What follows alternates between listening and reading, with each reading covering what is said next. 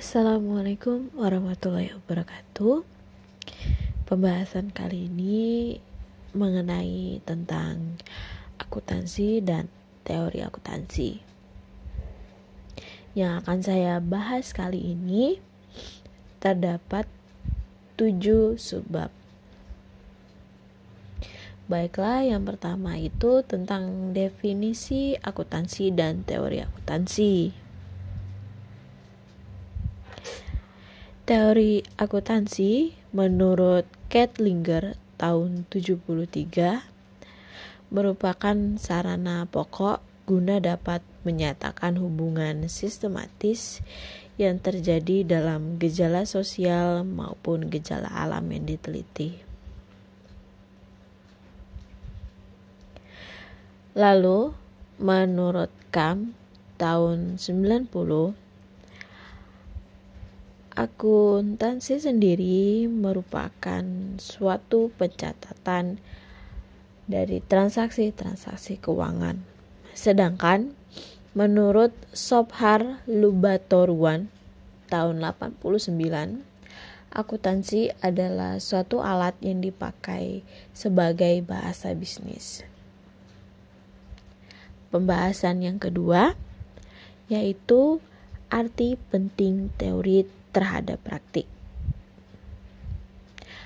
Ada dua arti penting dari teori akuntansi, yaitu yang pertama menjawab pertanyaan atas masalah-masalah praktik. Yang kedua, menerangi praktik agar masuk akal. Pembahasan yang ketiga yaitu akuntansi sebagai sains atau teknologi.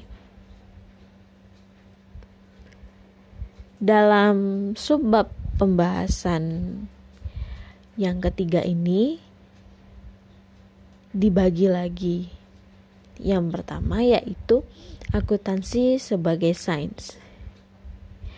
Sains sendiri adalah cabang pengetahuan yang bertujuan untuk mendapatkan kebenaran penjelasan tentang suatu fenomena dengan menerapkan metode ilmiah.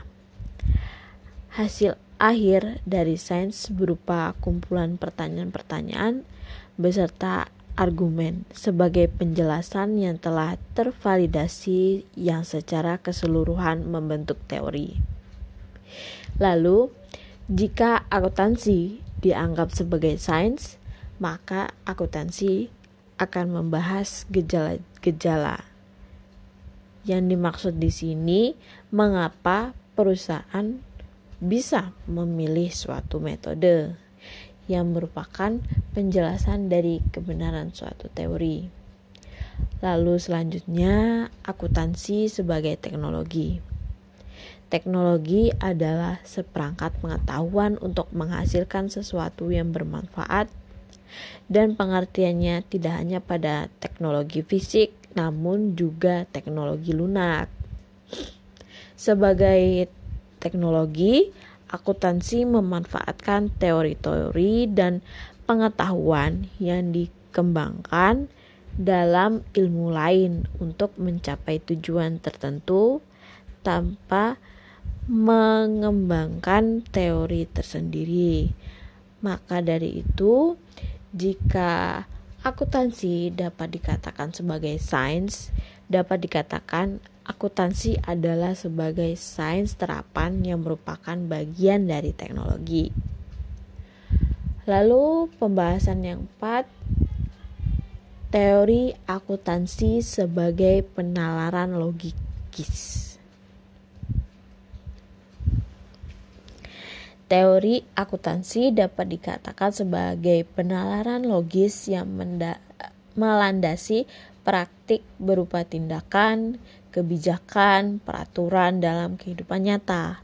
Teori akuntansi merupakan penalaran logis, gagasan-gagasan mendasar, atau gagasan-gagasan yang berkaitan dan konsisten, yang semuanya dapat disebut dengan penalaran logis. Lalu yang kelima itu tentang perspektif teori akuntansi. perspektif dalam teori akuntansi dapat dibedakan menjadi dua, yaitu yang pertama sasaran yang ingin dicapai, aspek tataran semiotika, dan yang kedua penalaran yang digunakan. Lalu dalam pembahasan ini dibagi lagi nih. Yang pertama yaitu perspektif teori akuntansi menurut sasarannya. Yang terdiri dari teori akuntansi normatif, teori akuntansi positif,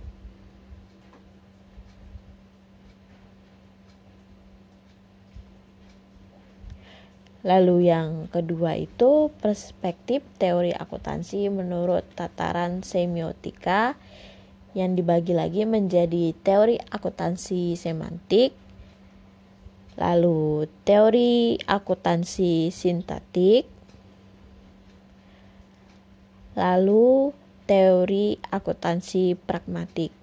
Yang ketiga yaitu mengenai perspektif teori akuntansi menurut pendekatan penalaran, yaitu yang pertama penalaran deduktif, penalaran induktif.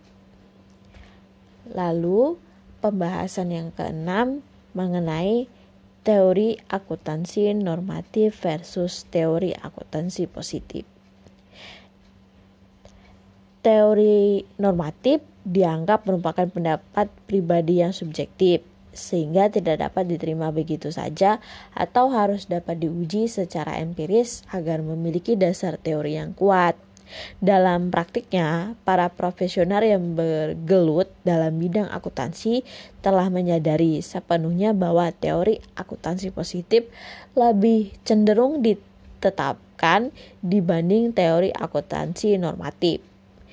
Teori akuntansi positif memiliki ciri pemecahan masalah yang disesuaikan dengan realitas praktik akuntansi. Tujuan dari pendekatan teori akuntansi positif adalah untuk menjelaskan dan memprediksi praktik akuntansi. Salah satu contohnya dalam penggunaan teori positif adalah hipotesa mengenai program pemberian bonus.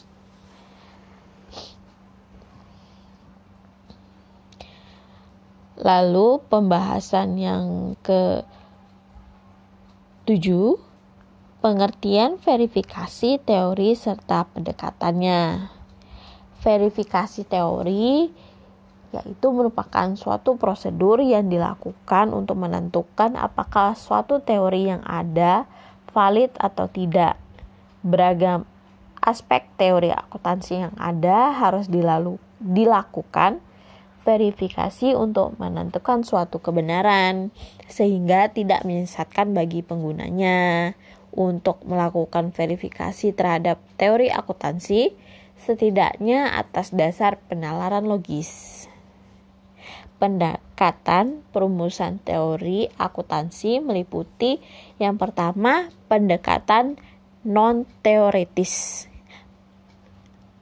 Pendekatan non-teoritis adalah pendekatan praktis dan pendekatan kekuasaan. Pendekatan pragmatis terdiri atas penyusunan suatu teori yang ditandai kesamaannya dengan praktik dunia nyata. Pendekatan kekuasaan untuk perumusan suatu teori akuntansi yang terutama dipergunakan oleh organisasi profesional terdiri atas penerbitan pernyataan sebagai regulasi dari praktik-praktik akuntansi.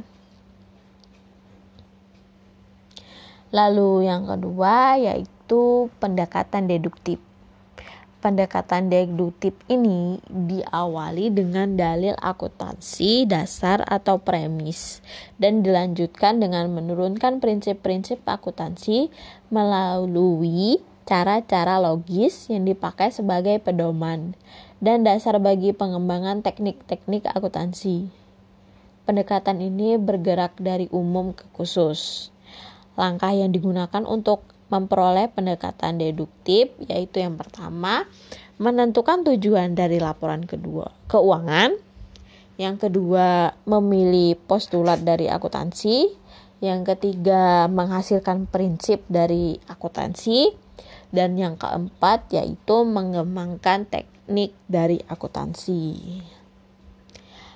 Lalu yang ketiga adalah pendekatan induktif. Pendekatan induktif dalam penyusunan suatu teori diawali dengan observasi dan pengukuran serta berlanjut pada kesimpulan umum.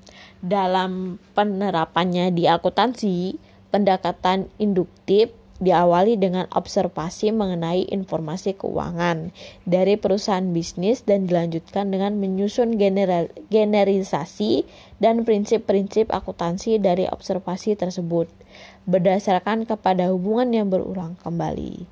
Pendekatan induktif untuk suatu teori mencakup empat tahap, yaitu yang pertama mencatat seluruh observasi, yang kedua menganalisis dan mengklasifikasikan observasi ini untuk mendeteksi adanya hubungan yang berulang kembali.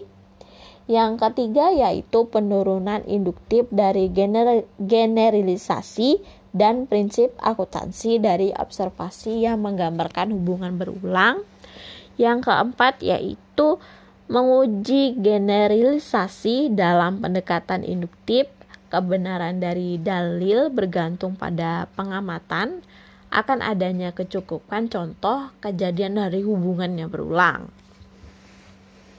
Lalu pendekatan yang keempat itu adalah pendekatan etis. Pendekatan etis ini sendiri terdiri dari konsep kewajaran, keadilan, ekuitas, dan kenyataan. Kewajaran ini sendiri secara umum mengandung arti bahwa pembuat informasi akuntansi telah bertindak dalam keyakinan yang baik dan menggunakan praktik bisnis yang etis dalam pertimbangan akuntansi yang baik. Lalu yang kelima yaitu pendekatan sosiologi. Pendekatan sosiologi ini menekankan pengaruh sosial dan teknik akuntansi pendekatan sosiologis terhadap suatu teori akuntansi telah membeli, memberi kontribusinya kepada evolusi dari sebuah subdisiplin ilmu akuntansi yang baru. Tujuan utama dari akuntansi sosioekonomi adalah untuk mendorong entitas-entitas bisnis yang berfungsi di sistem pasar bebas untuk memperhitungkan dampak dari pengaruh kegiatan produksi mereka sendiri dalam lingkungan sosial melalui pengukuran, internalisasi, dan pengungkapan dalam laporan keuangan mereka. Lalu yang keenam yaitu pendekatan ekonomi pendekatan ekonomi dalam merumuskan suatu teori akuntansi menekankan pada pengadilan perilaku dari indikator-indikator makroekonomi yang dihasilkan oleh adopsi dari berbagai teknik akuntansi. Lalu yang terakhir yaitu pendekatan selektif. Pendekatan selektif merupakan dari berbagai usaha oleh individu dan profesional serta organisasi pemerintah. Baik, sekian dari saya. Wassalamualaikum warahmatullahi wabarakatuh.